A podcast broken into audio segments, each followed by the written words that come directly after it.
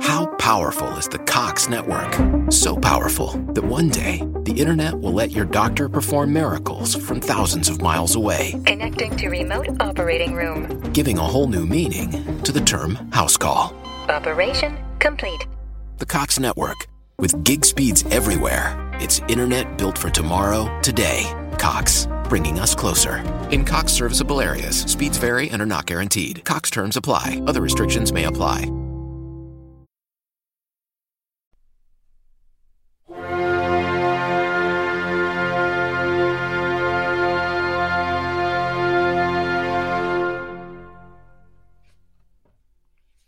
Välkommen bäste medvandrare på gamla och nya stigar.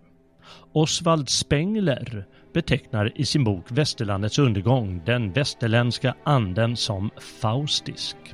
Begreppet har han tagit från Johann Wolfgang von Goethe, närmare bestämt dennes drama Faust, vars första del utkom 1808 och andra del 1832. Vad är då Faust för ett drama och vad är, det, eh, vad är det i dramat som Spengler har fastnat för? För att svara på den frågan ska jag och Robin Holmgren i dagens vandring skärskåda Goethes drama.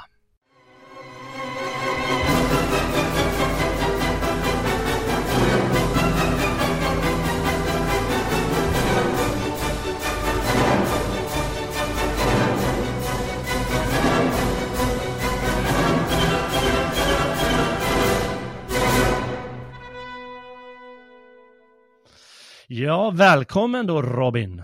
Tack så mycket. Kul att vara tillbaks. Mm, verkligen. Eh, då ska vi se här var vi ska börja. Först, just det, det var det jag ville säga, att den som vill veta mer om Goethe själv, förutom dramat Faust, kan lyssna på förra veckans avsnitt av eh, På gamla och nya stigar. Där eh, eh, pratar jag om Goethes liv och eh, eh, övriga verk, förutom just Faust, som han ja, väl är mest känd för. Mm. Av, av eh, många skäl. Mm. Då vet vi det allihopa. Men det är inte nödvändigt för att ta åt sig av det här programmet. Men vi kommer inte gå igenom någonting om Goethes eh, liv och sådär, för det, det, ah, det struntar vi vi kör. eh, Vi kör bara Faust och faustiska andar och andar och allt vad det kan vara. Jajamän, Nå, låt Robin. Robin. börja. Vad sa du? Låt vår resa börja. Ja, låt den börja nu. Då ska vi se. Du eh, sa till mig igår, eller du skrev sent om sidor att du, du hade börjat läsa Faust 2 sent. eh, sent. Ja. Och då sa jag till dig att eh, läs eh, sista akten. Hur var det? Drog du igenom hela? Satt du på natten Nej, och sen läste allt eller? Det, det här var inte... För, första delen Mm. är betydligt roligare att läsa än andra delen. Ja, det är särskilt eh, början på andra delen. Där är det rätt långrandigt. Den första och kanske till och med andra akten. Sen eh, blir det lite bättre. Sen tar det sig. Men det beror lite på vad man vill ha och så vidare. Men du sa, skrev också att du var lite besviken. Du hade hoppats på något mer, jag vet inte vad man ska kalla det, storslaget eller någonting. Ja, eh, det är ju intressant hur sådana här uttryck som den faustiska anden den har ju liksom hängt med under så lång tid. Mm. Eh, Och eh, innan jag läste Faust så har jag haft en, en, en mental bild om vad innebär det att vara en del av den här faustiska anden. Och jag har ju alltid förknippat det med eh, lite europeisk kärvhet men ändå en strävan mot någonting. En, eh, en möjlighet till eh, fantastisk framgång, eh, kanske lite mer dramatiskt men utan att det blir känslomässigt. Eh, principfast men ändå rätt. Eh, Mm. Och Jaha. eh, det var inte alls vad jag fick. det var inte alls vad du fick där. Har du, men du har förstås, eh, eller eh, det låter inte så i alla fall, som att du har läst Osvald Spenglers bok eh, Västerlandets undergång. det har jag inte. Nej, okej. Eh, han, det är ju där det lanseras den här idén eh, på, på allvar. Jag, jag kan tänka mig att det har funnits med under 1800-talets gång lite. Den skrevs 1921 kom den, om jag Mm. minns rätt, eh, strax efter eh, första världskriget. Eh, och där, där använder han det begreppet eh, faustisk. Eh, han, han är väldigt inspirerad av Goethe. Han säger att han har lånat metoden av Goethe och vad är det annars från Nietzsche, inspirationen eller något sånt. Mm. säger han så här. Till slut vill jag än en gång nämna namnen på de som gett mig det väsentliga. Goethe och Nietzsche. Goethe har gett mig metoden, Nietzsche frågeställningarna. Ja, så säger han. Eh, och med eh, metoden av Goethe så menar hans Goethe, Goethes eh, eh, framförallt Goethes eh, studier av naturen eh, som man kallar morfologiskt då, att den studerar formerna och deras övergångar i varandra och så. Istället för en mer så, vad man då skulle kunna kalla eh, teknisk eller mekanisk eh, syn på naturen Mm. som är, ganska, som är vanlig inom fysiken. Mm. Eh, och det använder han då på historien, Oswald Spengler.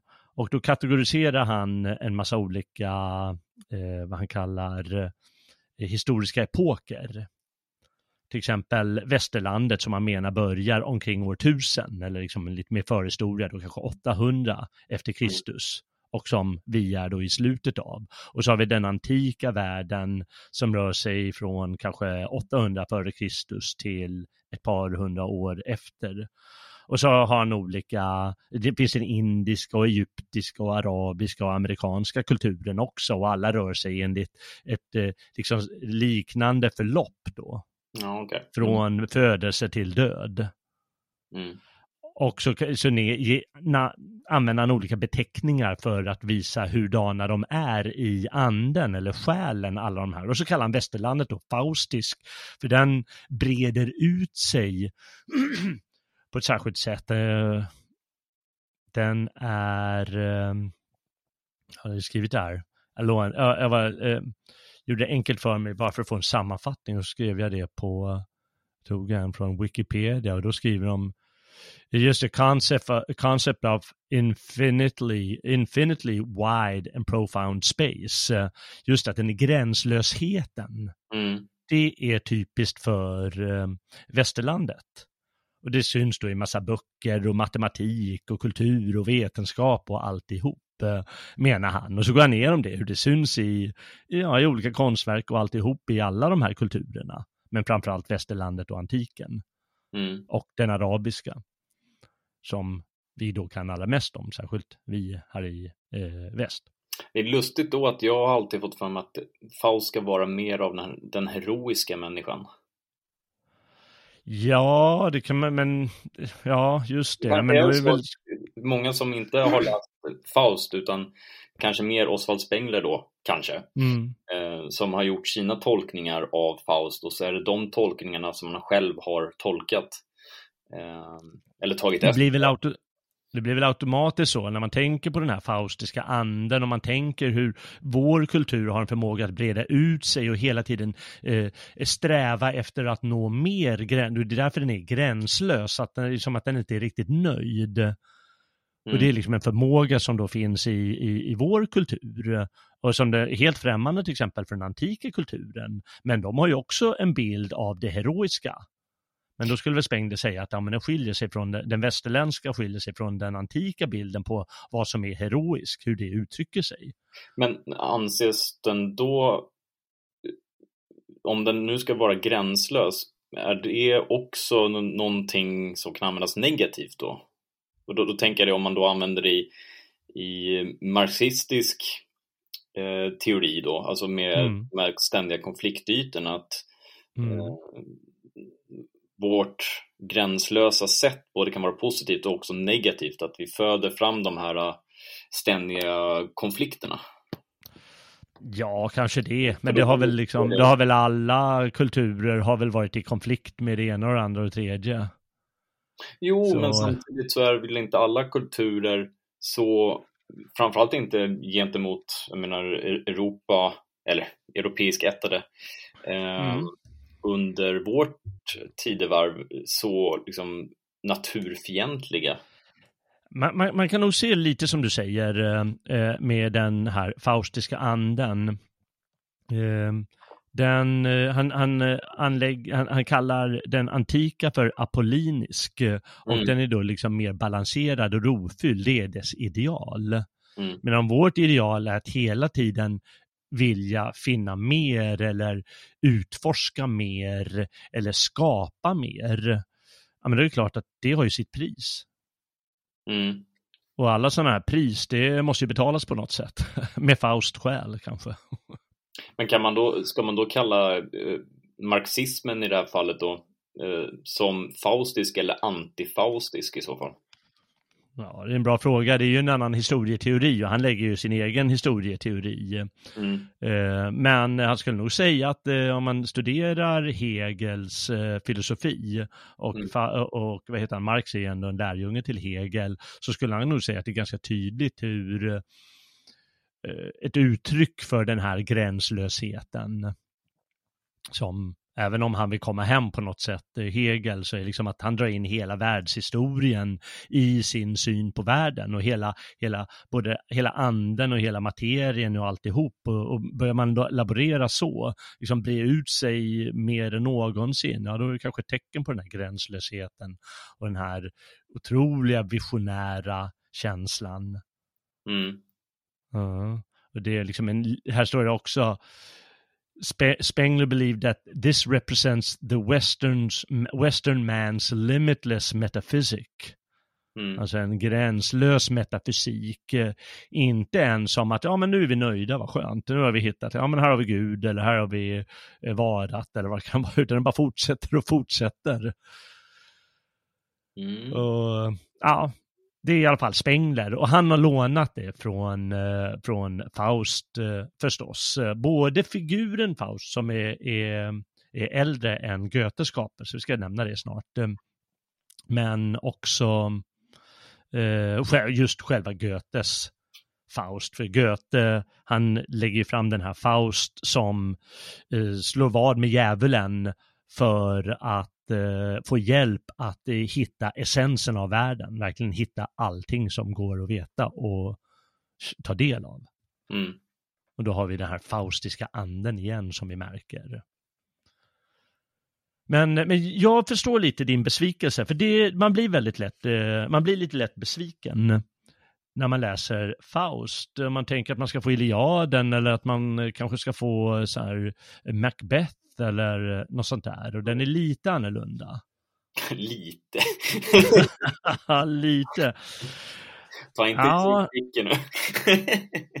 Nej, men eh, det kanske är, det är någonting, alltså det är inte så att han skriver dåligt eller något sånt där, Nej. utan det kan vara själva känslan man får, att man kanske just som du sa, att det faller på förväntningarna eller något sånt där. Men, men jag, jag läste lite i en amerikansk litteraturprofessor som, jag tror han är död nu, Harold Bloom, mm. och han skriver så här i början av sitt Goethe-kapitel.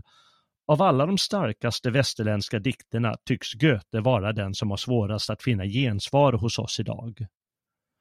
Jag tror knappast att detta avstånd har mycket att göra med det faktum att det är fåfängt att försöka översätta hans poesi till engelska och så vidare. Men det ligger någonting att, alltså Goethe, eh, Shakespeare han är alltid vaken liksom, det är kul att läsa Shakespeare jämt. Mm. Och eh, ja, Iliaden, den kan folk tycka är lite långrandig och så, kan de aldrig sluta kriga liksom. Men eh, men det är kanske också lite så här storslaget eller någonting. Men då Goethe träffar lite svårare. Han träffade jättehårt Goethe i hundra år efter sin död. Mm. Och sen så under efterkrigstiden så har blivit, ja, inte riktigt samma, förutom i Tyskland givetvis, eh, samma respons. Eh, liksom tidigare, det tar jag upp i det programmet jag höll förra veckan, eh, som gick alltså igår. Mm att Goethe, han räknas som den stora visa mannen och det gör han även för Harold Bloom. Han säger att ja, men det, han kunde allt ungefär, eller han kunde liksom ta in all kunskap i sin själ och låta det komma ut på andra sidan i sin skrift. Mm. Och det är liksom få förunnat att kunna det. Uh, men, uh, men finner inte riktigt samma gensvar idag och det kanske vi kommer in på vad det kan bero på. Ja, det skulle vara intressant. Sa han någonting om liksom skillnaden i ettan och tvåan här? För jag tycker att i början så är det fantastiskt. Mm.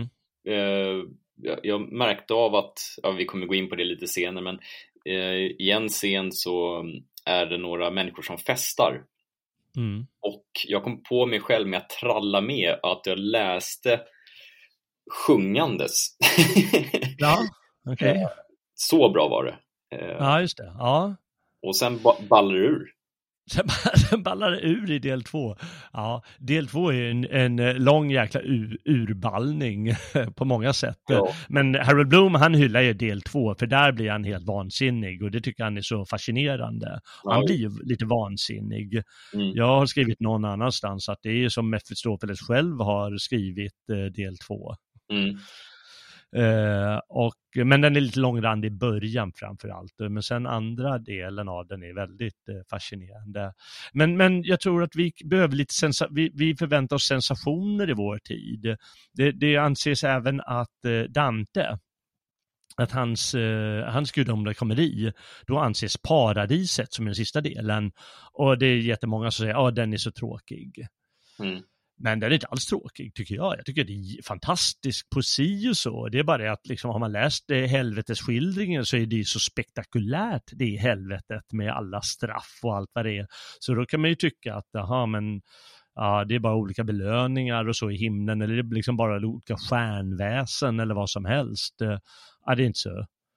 Det är inte, det är inte något att ha. Då tycker de att den är lite tråkig, men det är den inte alls.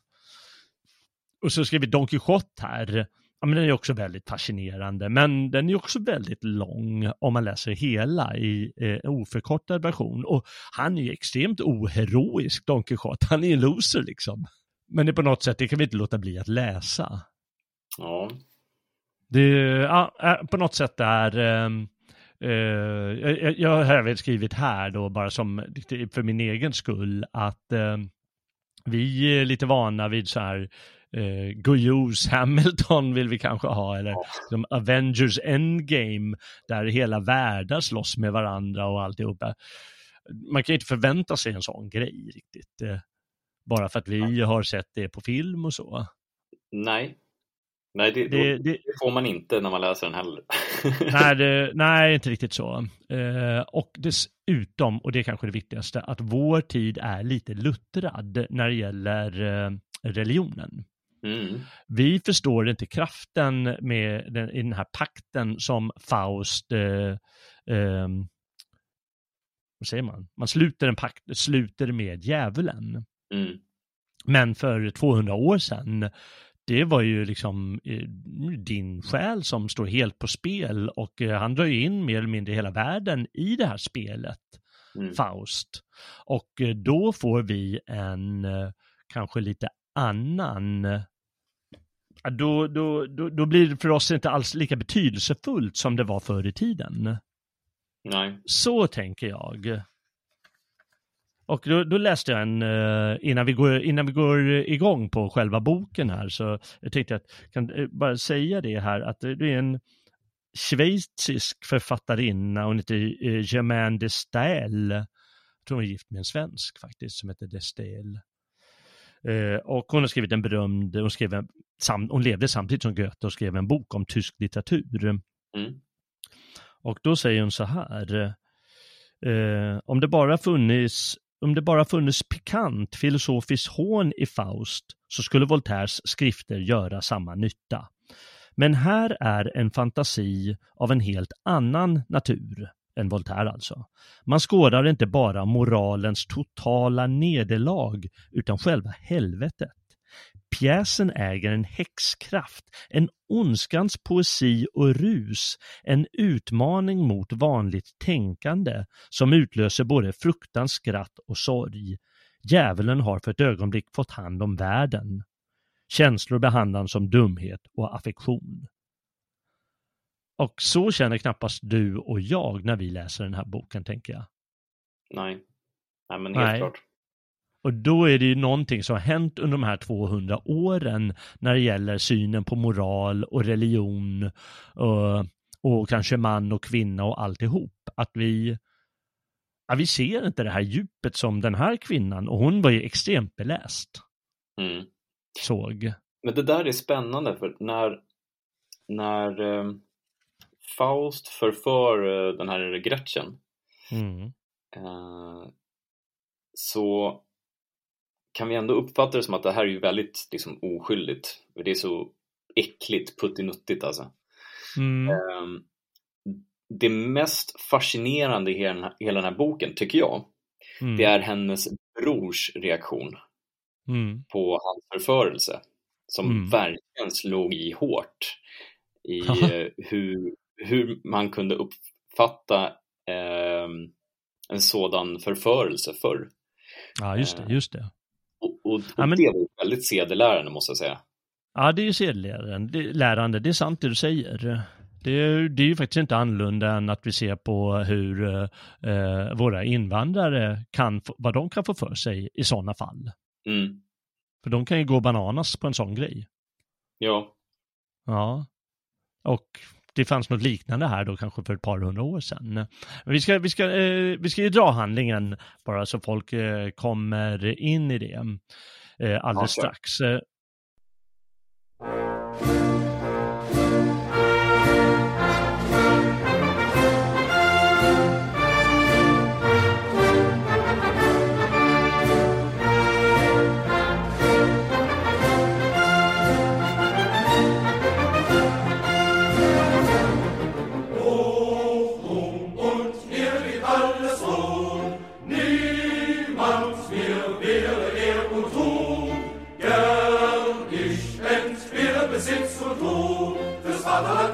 Fürs Vaterland kämpft, der Sieg will euch so.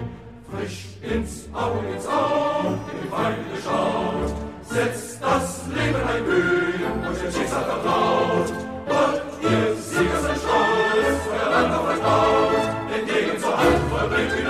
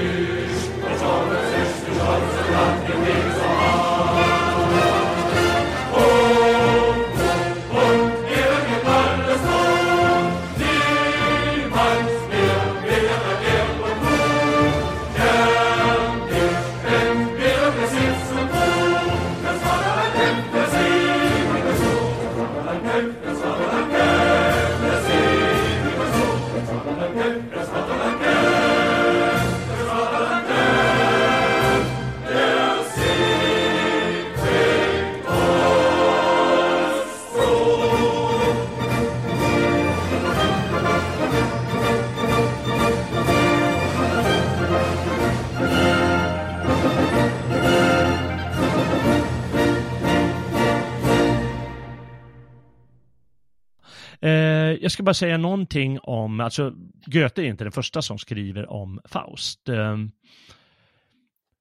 eh, men när, just det, när han skriver om den, eh, då har han, jag ska säga det, han skrev alltså på det här i 60 år av sitt sketna liv. Han blev ju så här 82. Han skrev på Faust i, i 60 år. Och han hade redan sett dock, Faust som dockteater som barn. mm. Han skrev en urfaust kallas det för eh, omkring 1770 och då var det alltså en, en hemsk nyhet eh, om en kvinna som hade eh, blivit gravid av någon eh, man som försvunnit och sen mördat sitt barn och hon dömdes till döden. Och det var det som fängslade honom. Och därför är den här Gretchen-avsnittet eh, med. Och då har han blandat ihop det med, med, med Faust och djävulen så. Sen skrev han en, det som blev det som vi har läst då, första delen av Faust eh, som han eh, med, med hjälp av eh, sin kompis Friedrich Schiller som han blev färdig med 1808 eller som kunde tryckas 1808 och sen så skrev han färdigt under resten av sitt liv med, vid olika tillfällen. Mm. och blev han färdig med den mot slutet av sitt liv. Jag tror han skrev så sent som 1832, alltså samma år som han dog, eller något år innan. Men så förseglade han det och sa den här får ges ut först efter min död.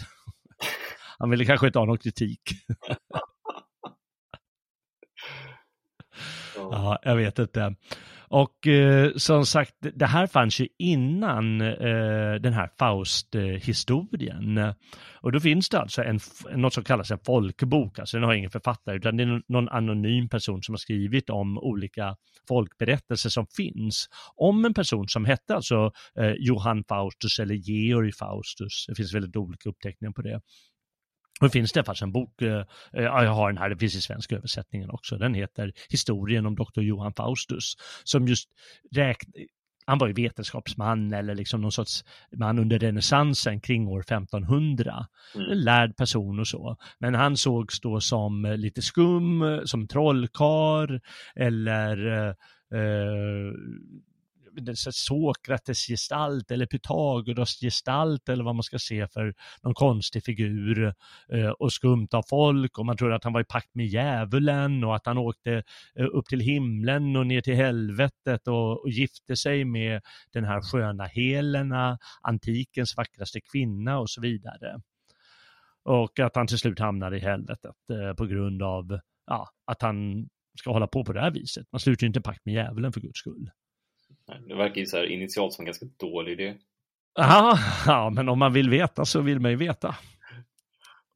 Uh, och sen gjorde en engelsk uh, uh, dramatiker ett drama som heter, han heter Christopher Marlowe och samtida som Shakespeare. Han blev nedstucken på, under ett kroggräl. Han skrev ett drama som heter Den tragiska historien om Dr. Faustus som blev rätt populärt eftersom den här historien var ju så poppis. Mm.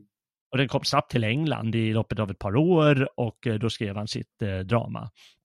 Och det kom flera sådana här Faustböcker eh, som den här folkboken under 1600 och 1700-talet. Och dockteater var väldigt populärt eh, med det här temat på 1700-talet. Eh, och det var det Goethe såg som barn redan. Mm. Och sen så fanns det en samtida med Goethe som heter Klinger. Han gav upphov till eh, det här begreppet Sturm und Drang, det vill säga starka känslor och, och så i slutet av 1700-talet. Och han skrev också en Faustroman. Så det var inte så att det bara är taget ur intet, utan han ville väl göra sin del, sin variant av det hela, Goethe. Och det är ju den som blir ihågkommen mest förstås. Mm. Mm. Och eh, den, eh, det kallas ju ett drama då, men det är till för att läsas. Det har ju satts upp på scenen givetvis, eh, men det är ju i praktiken omöjligt att sätta upp. Det, det är för mycket som händer. Första delen kanske går, den har ju en röd tråd som du sa. Mm. Och den, liksom, den är ju klar och tydlig vad som händer. Men andra delen, jag menar, då, då som sagt, han upplever ju allt möjligt och det, går, det, det är tusen figurer. Ja, men verkligen. Det blir så många små stick med så här, professorn, med eh, naturvetaren som säger så en mening i hela boken. Så att eh, det är ju inte som de här typisk, eh, de här grekiska som vi har tagit upp förut i podden när det var ja. eh, Svegot plus. Men, eh, för då har du ju körer och sådana där saker, men det här är ju liksom instickare med jättemånga karaktärer. Ja, ja. Så det hade varit svårt att uppföra man kan säga att det är, det är som en lång dikt eller en följd av dikter mm. som, som bara råkar ha det upplägget att det är repliker som, som de säger. Ja, verkligen. Men, men det kan man göra. Och eh, det är under den här perioden som brukar kallas romantiken, om man ska eh, dra ut det lite i alla fall, då eh, då gick man ifrån eh, tidigare idéer om att det var, ska vara klart och ordnat, strukturerat. Eh, och Goethe han ville mer att det skulle vara som Shakespeare. Shakespeare har många karaktärer, det finns lite bihandlingar, det utspelar sig under lång tid och så. Och så vill man ha det samtidigt som man vill ha liksom mycket känslor och, och alltihop. Mm. Och det har han påverkats av och därför är det liksom lite kaotiskt med, med många, många scener istället för liksom klart ordnat helt. Eh, eh, andra delen, eh, den har fem akter som det klassiska dramat, men det är ändå fullständigt kaotiskt med, jag vet inte hur många karaktärer. Ja, Eller vad man ska säga. sticker åt alla håll alltså. Alla håll, och det är liksom olika konstiga figurer och röster och ja, det, det är bara fullständigt kaos, men det är ändå ganska underhållande. Det finns många versmått och så, men basen är, och här är ju uh, Goethe, han är ju så stört rolig. Han är, han är ändå humorist uh, i det här dramat. Uh, det är på knittel. Knittel är ett uh, medeltida germanskt versmått som har tre till fyra jag, betonade stavelser per rad. Och så är det rimmat då, parrimmat. Mm. Och det anses väldigt fult. Och så ska han ha det på knittel när det anses så fult. Eh, och den är ju liksom, den är inte, nej, man kan inte säga att den är vacker, eh, versen, eh, knittelversen, men eh, det funkar ändå. Och jag tycker att det är humoristiskt att han använder en sån grej. Men vem gör det när man ska skriva en, någonting som man ska bli ihågkommet för i evighet? Tack så mycket för att du berättade, för jag hade ingen aning om vad knittel var för någonting, men nu vet jag. Nej, du vet vad knittel är. Ja.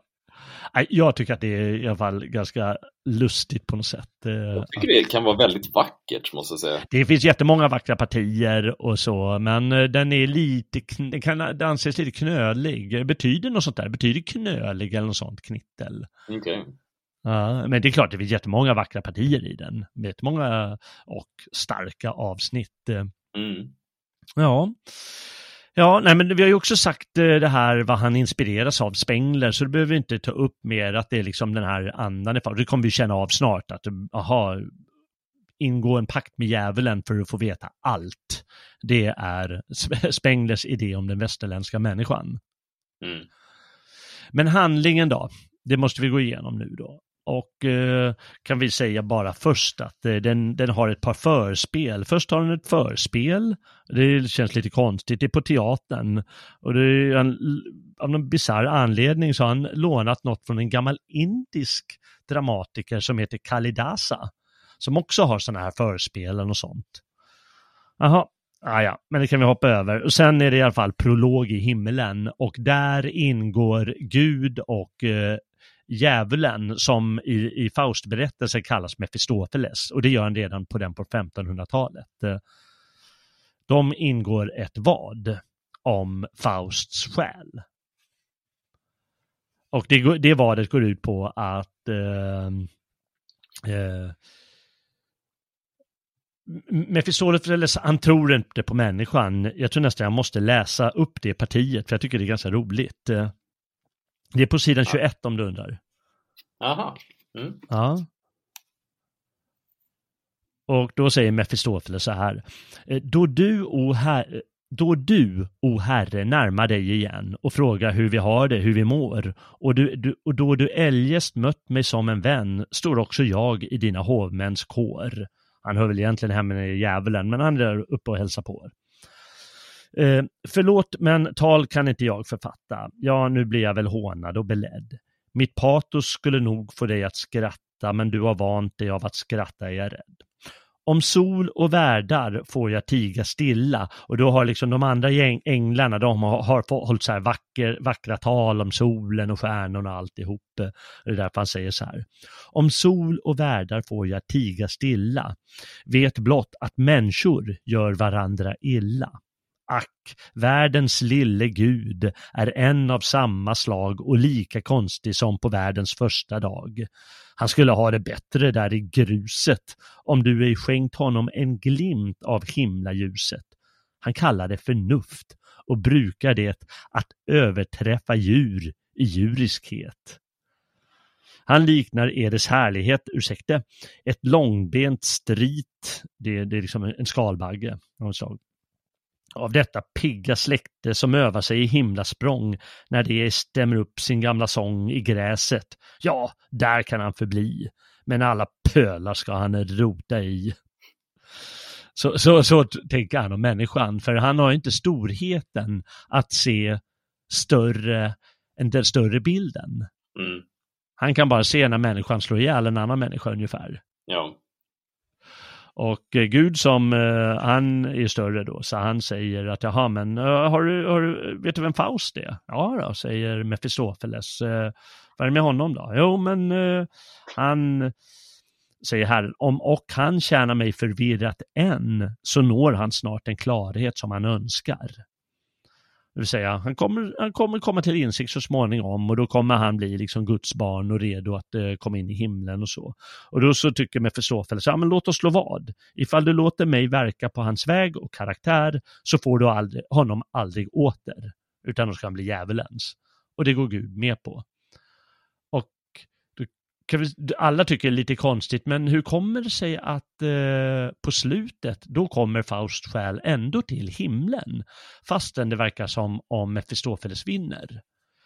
Eh, men då så, då är det faktiskt här att han glömmer bort sig Mefistofeles. Eh, eh, han, eh, han, slår ba, ba, han säger att jag är inte intresserad av livet efter detta.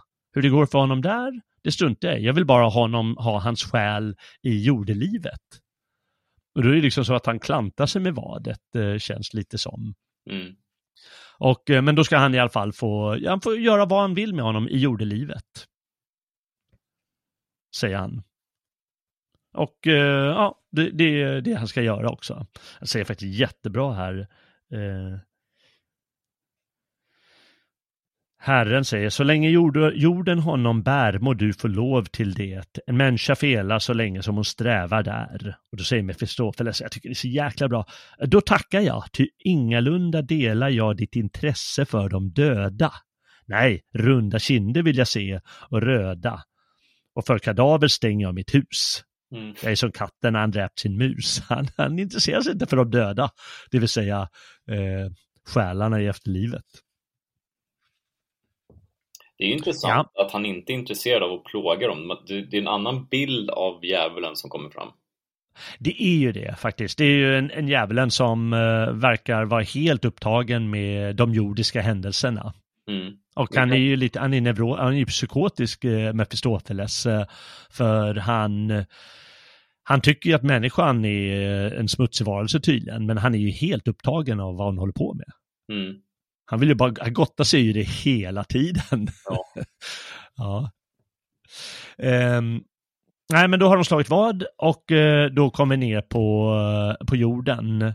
Och eh, Faust, han, han går och eh, är grinig, eller vad man ska kalla det för. Han vill nästan ta livet av sig, för han kan inte nå tingens innersta värld sen hur mycket han än studerar. Han försöker på magi och alltihop, ingenting fungerar. Han har läst varenda bok som finns att läsa och allt är bara skräp. Och eh, då när han är på väg att ta livet av sig, jag vet att du ville läsa det här med natt. Har du någonting du kanske ville dra där redan? Jag har ganska mycket här vet du. Början är som sagt eh, bra alltså. Mm. Ja, det är starkt. Jag kanske ska bara låta dig läsa det så har vi det gjort. Ja. Så står jag utan gods och gull och ära och härlighet för den skull. Om detta ska fortgå är jag såld. Så har jag gett mig magin i våld. På det att andemakternas spel må ge mig hemligheter till del, så jag slipper att slita i evighet med att lära ut vad jag inte vet. Så jag får genomskåda världen, se vad som håller, vad som bär den. Se alltets urfrö, varats själ och slippa vara bokstavsträl. Fullmåner skimmer såge du, mitt kval för sista gången nu. Så ofta vid mitt skrivbord satt, jag vakande tills det blev natt. Tills över böckerna igen du lyste, vemods blida vän. Ack, fick jag vandra i din glans, på bergen gå i andedans, kring grottorna, ack, fick jag leka, på fält som ligger månskensbleka och bada i din dagg och bli tvådd, ren från kvalmligt grubbleri. Ve, sitter jag som fånge kvar i mitt fördömda hålsförvar. Här blir ju själva solen black i målad fönsterruta, ack. Av böcker trängd som masken tär och dammet höljer dväljs jag här. Se, upp till takets valv har växt din pappershög med sotig text. Här vimlar verktyg för en lärd. Retorter, dosor runt omkring, nedärvda, ålderssvaga ting. Det är din värld. Det kallas en värld. Mm. Det, det här stycket är ju otroligt fint faktiskt. Eh, Ja, ja, det finns ju jättemånga sådana Han- eh, avsnitt i den. Ja, och hans eh, liksom ångest över att han, han, är som, han är som fågel i en bur. Mm, just det. Ja, det är han och eh, han, eh, han eh, är så grinig att han till slut vill eh, ta livet av sig för eh, han inser att ja, men jag har provat allting och jag kommer inte se den här urkärnan av världen Mm. och veta hur tingen egentligen ligger ihop. Och det är ju ungefär som att han vill bli Gud eller han vill se det Gud har skapat, eh, hur han har gjort det. Och, eh, men, men då ringer någon sorts eh, eh, påskklockor och eh, då går han ut, eh, jag vet inte, dagen efter eller när det är, då går han i alla fall ut eh, för att uppleva lite människorna och få en promenad och så. Och då eh, plötsligt får han syn på en pudel. Eh, och pudeln, han kommer bort och springer runt honom och håller på och följer med honom hem så småningom. Mm. Och eh, där förvandlar sig eh, pudeln till en människa. Och eh, då, det är då Faust säger det berömda ordet, ja så det var pudelns kärna. Ja. Och så förvandlar han sig till något som säger en vandrande skolast och det var alltså en, en, en lärd på eh, 1500-talet under reformationstiden. Jag tror att de, liksom, universiteten fanns inte plats för dem längre eller något sånt. Så de gick runt, men de kunde väldigt mycket de här. Och de såg, och sågs som kufiska och så. Och eh, så småningom, eh, eh, efter lite eh, förvecklingar, man sticker iväg ett tag med Mefistofeles men kommer tillbaka och då ingår de det här vadet. Eh, eh, som... Ska jag läsa Ska om lite? jag- Ja, gör det. han har- Gör det. Eh, För han kallas ju anden. Eller Mm. i eh, boken så blir han anden. Ja, men är det, det är lite innan träffar Mefistofeles, eller? Nu ska vi se. Det är ju redan på 28 vet du. Ja, det är nog innan han träffar honom. Men, men eh, läs du. Jag tror att det är någon annan manar fram, men det är inte Mefistofeles, Ja, det ja, någon, är någon sån här... Eh, Men anden säger någonting som jag tycker var väldigt vackert. Ja, Du flämtade av, av iver, din begäran var att höra min röst och se mina drag. Av dina heta böner böjdes jag och kom. Så slogs du av förfäran, du, övermänniskan. Och dog ditt skri. Var är det bröst som skapte världen i sitt eget inre bar och omslöten som svällde av helig fröjd att nå vårt andevälde? Var är du, Faust, som manade mig så och som av alla krafter trängde på? Du skälver nu i djupet för en fläkt, en susning av min andedräkt. Du kröker dig i skräck, är du av maskars släkt? Och Faust säger då, fly jag för flamgestalten? Nej, det svär jag. Se, jag är Faust, din like är jag. ja just det. Ja. ja, det är häftigt.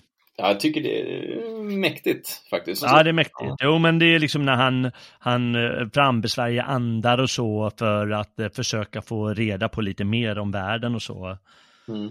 Eh, ja, Och Mefistofeles säger ju liksom, han kallas ju också för anden. Fast han kallar sig för gör anden som förnekar.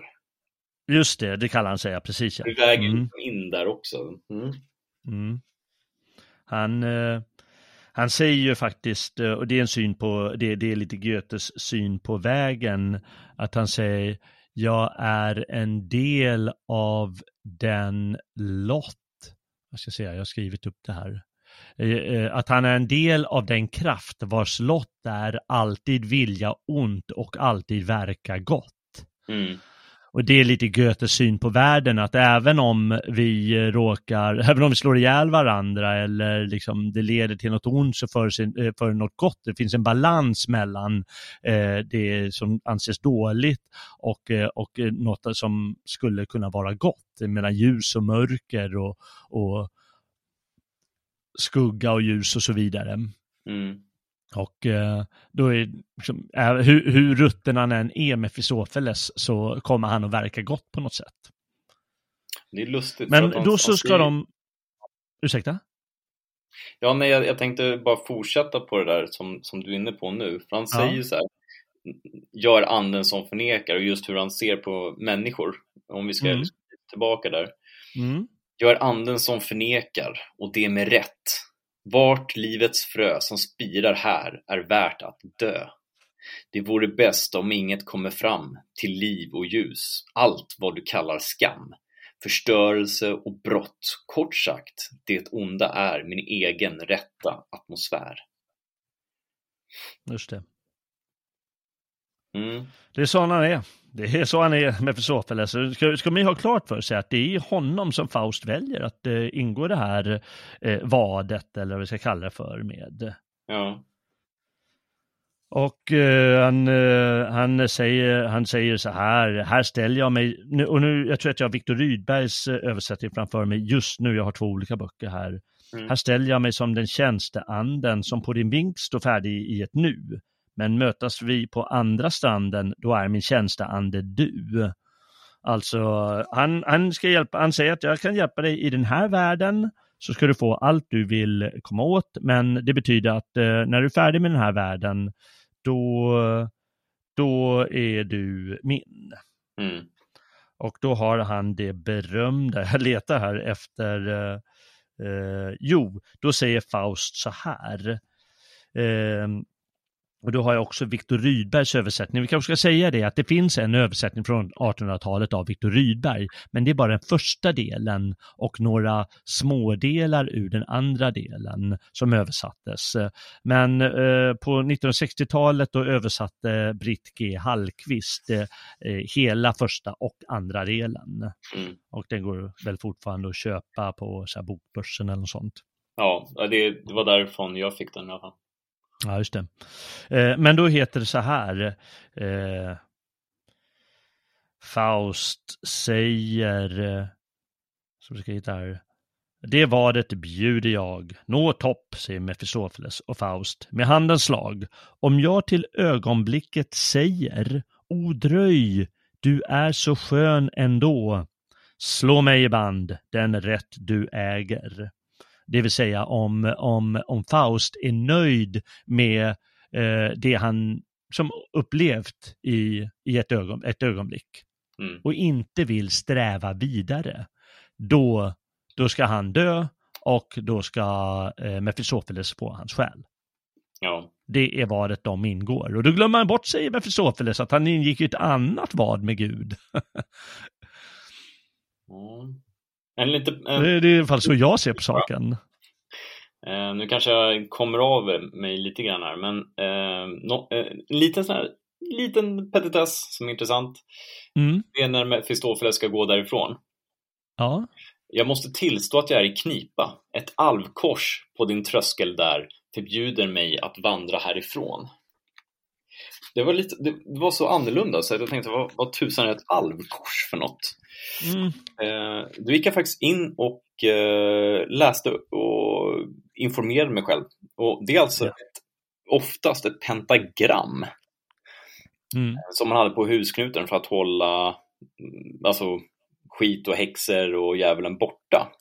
Aha, okej. Lustigt, för nu när jag åkt runt lite i Dalarna så ser man sådana där lite överallt. Häftigt. Eh, Så det här var någonting som fanns i hela den här germanska sfären då. Att man, Ja, man hade pentagram eller små kors som inte ser ut som ett vanligt kors utan ett riktigt gammalt kors, alltså ett eh, ah, ja, ja. skyddskors då. Eh, för att eh, hålla oknyttet borta då. Okej. Så det var bara intressant. Ja, ja, verkligen. Eh, ah, ja. Eh, de har alltså ingått sitt vad eh, då Mefistofeles och Faust. Och eh, då har vi den här med idén om strävan. Faust, han strävar och strävar och strävar och strävar. Han vill upptäcka något nytt och blir aldrig nöjd. Och eh, om man blir nöjd, ja, då, ska hans, eh, då ska han dö och själen tillfalla djävulen. Eller Mm. Mefistofeles alltså. Mm. Och då säger Mefistofeles till dem, ja men jag vet ju vad du inte har upplevt, för du är ju så korkad som har suttit på din kammare hela livet. Du har ju inte upplevt livet. Det vill säga kvinnor, vin och sång och, och du vet den där biten. Mm. Och då för han ju ut eh, Faust på krogen först. Faust är helt ointresserad. Jaha, men vadå supa till liksom? Ja, tjena. Och sen så tar han honom till en häxa, för att ha en ny idé. Och då ser Faust i en spegel där hos häxan, ser han en, en bild av en kvinna och då fastnar han, "Ja, men vem är det där? Och skönhet kan ju ingen låta bli, kvinnlig skönhet, det kan vi liksom aldrig, det kan vi inte låta bli. Ja, om vi sitter på en kammare, ja då kan vi det, men eh, ja, ja då, så ska då får han en föryngringsdryck hos häxan. Mm. Och eh, så dricker han den. Och sen så ska han ut i, i, i livet. och hjälper Mefistofeles honom att träffa den här kvinnan eh, som heter Margrete. Och eh, på, på tyska då, men i diminutiv, där Chen är ett diminutiv form, det vill säga en lita, lilla Margrete, eh, då blir det Gretchen. Och hon heter Gretchen då och eh, de blir liksom så småningom det där kärleksparet. Ehm, vi drar lite fort handlingen, så kan vi återgå till olika delar som är, är intressanta. Ja. Eh, han eh, förför, med eh, Mefistofeles hjälp så förför han den här Gretchen. Fastän det är så här, det är en puritansk liten eh, skitstad det här va. Och alla har koll på alla och man får inte göra si och så och upp och ner. Utan det är ett jäkla hysch-hysch alltihop. Men vi vet ju könets kraft. Mm. Och hon blir så förälskad och alltihop och till slut så hamnar de i, i sängs. Det står ju inte riktigt på det sättet men det förstår vi att det är det som händer.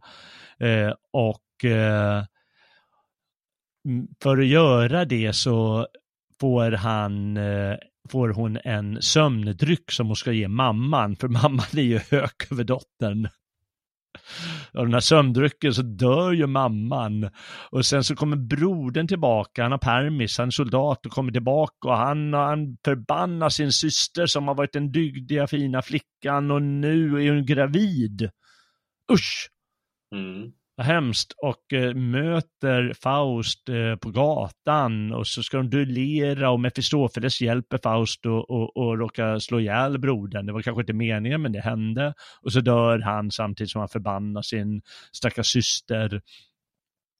Och eh, eh, för att eh, då, då drar Mefistofeles iväg Faust på eh, häxsabbat Mm i Blocksberg. Det är alltså eh, på berget Brocken i Harz i mitten av Tyskland som är lite bergskedja där. Eh, och eh, där upplever han så här häx, eh, det är Va- valborgsmässoafton och det är alltså deras blåkulla. Tyskarnas blåkulla och då upplever han så här, det är helt tokig eh, natt där, men sen kommer han tillbaka och då har hon har fött sitt barn, eh, Gretchen, och dödat det. Och för hon har blivit galen också. Och nu sitter hon i fängelse i väntan på att dö. Mm. Och då vill han befri- med Mefistofeles hjälp befria henne, men hon låter sig inte befrias. eh, Och eh, då drar Mefistofeles honom därifrån och han oroas förstås med Faust över hennes själ. Men då kommer röster från himlen och säger att hon är räddad. Hon kommer bli frälst och sånt där. Och så slutar eh, del ett. Det är så himla mörkt egentligen. Ja, det är ju jättemörkt. Jag gick igenom karaktärerna för mig själv här och då är det, det, det finns en medhjälpare eller vad ska jag säga, som en adjutant eller något sånt fast i, i klostervärlden eh, som heter Wagner. Mm. Och han är den här liksom lärda filisten kan man säga. Han lär sig bara saker men han fattar inte vad de går ut på. Och så kommer han bara läsa till från en bok när han ska lära ut till sina elever som liksom världens tråkigaste lärare. Och Mefistofeles han är ju bara helt låg. Han kan ju inte se storheten i någonting. Och Faust han är värsta syndaren. Och modern hon är till Gretchen hon är bara puritan liksom. Och brodern han är så här trångsynt eh, typ bara. Det är bara den här Gretchen som är bra och hon stackar hon dyker under. Ja, det är klart det är nattsvart. Ja. Hon är verkligen den här oskyldiga verkar det som. Alltså även fast det, hon får ju ta sina konsekvenser liksom. Men men hon målas ju upp som en väldigt vacker oskyldig och ung, om man säger så. Ja, verkligen. Och nattsvartheten, det, det hörde vi i den här Gemainde Stael. Mm. Hur hon sa, hon skriver också i samma bok då, för hon hade bara läst första delen, för andra delen kom senare och kanske var död då rent av. Och så skriver hon, det är utan tvekan diktarens avsikt att Gretchen ska dö men få Guds förlåtelse, medan Faust ska leva men förlora sin själ. Hon, hon tycker ju också att det här är nattsvart då, och tror att Faust ska förlora sin själ. Men det kommer han inte göra, märker vi sen i tvåan riktigt. Bara nästan. Ja, det är lite nattsvart, men det är ändå fascinerande och det är ju stor poesi och jag menar, det är ju, det är ju en tragedi, så tragedi slutar ju på det viset. Ja. Eh, hade du eh, något särskilt ställe ur den första delen som du tyckte var väldigt bra?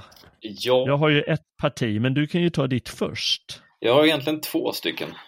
Mm. Det är stycket Auerbachs källare i Leipzig. Ett munk. Ja, just det, just det. Det, det är när Mefistofeles drar med honom på krogen i början, va? Ja. För att uppleva lite livskänsla. Ja, sjung du bara, sjung till hennes ära. Jag skrattar åt din älskaroll. Mig har hon lurat och din stund är nära.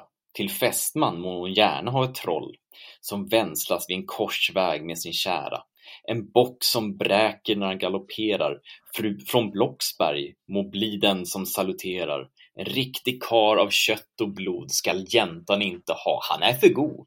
Min hälsning må vara utan, men hon ska få en sten i rutan. Hör upp, hör upp och lyss till mig. Mitt levnadsvett är värt att prisa, så många här ser kära ut. Det kräver hyllning och tribut, och det skall få en aftonvisa. Giv akt, en spritt ny melodi, och i refrängen kommer ni.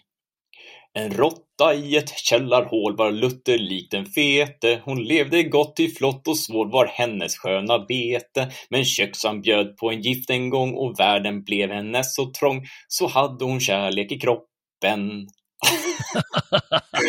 Jag kan fortsätta här. Hon snodde in, hon snodde ut, hon drack ur pöl och bytte. Hon gnagde vilt i varje knut, det var till ingen nytta. I skräck så många språng hon tog, snart hade arma kräket fått nog, som hon hade kärlek i kroppen. I köket i sin nöd hon lopp, fast det var mitt på dagen. Vid spisen föll hon och gav upp de sista andedragen. Och köksan skrattade och sa, hon piper vid sista hålet, haha, som hon hade kärlek i kroppen. ja. ja, men så det är grova killar på krogen va, då är så de sjunger. och det är det som är så, det, det, det, som är så himla roligt är att man automatiskt får den här jävla, någon så konstig melodi som man läser till. Eh, ja, just det. Så det var alltså helt egenkomponerat. Jag ber om ursäkt alla kära lyssnare. Ja, vi älskade det. Jag har syndat. du har syndat. Sjungit i radio, det får man aldrig göra. det är första och enda gången då. Okay. Nej men det är bra. Men sen har jag brodern också. Men jag lyssnar gärna på vad du, vilket stycke du tog. Det är valborgsnatten. Mm. Jag tycker det är helt makalöst.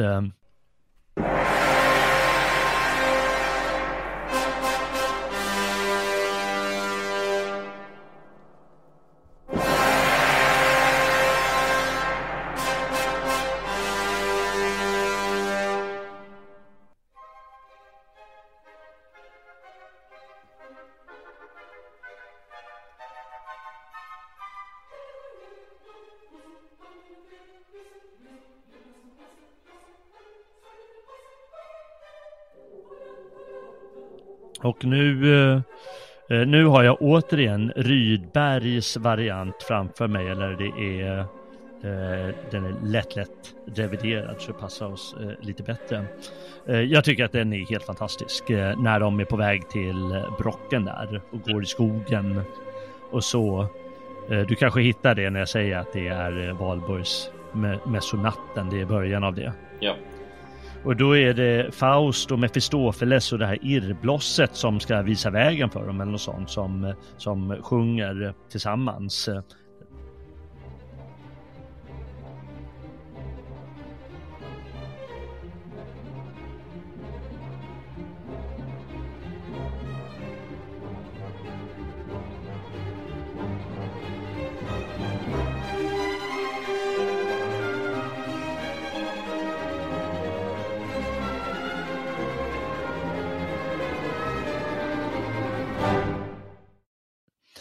Drömmens rike, trolldomsvärlden, mitt i den vi måtte hamnat, för oss raskt framåt på färden, i den ödemark oss famnat. Led oss väl så får du heder. Skåda trädens djupa leder, se hur snabbt förbi de skrider. Fjällens långa snablar frustar, hur de snarkar, hur de pustar. Klippor buger sig och vrider, Liten bäck och rännil glider ringlande bland sten och tuva. Hör jag källbrus? Hör jag ljuva sånger? Kärleken som klagar, flydda himmels sköna dagar, trånad, ack och hopp tillika.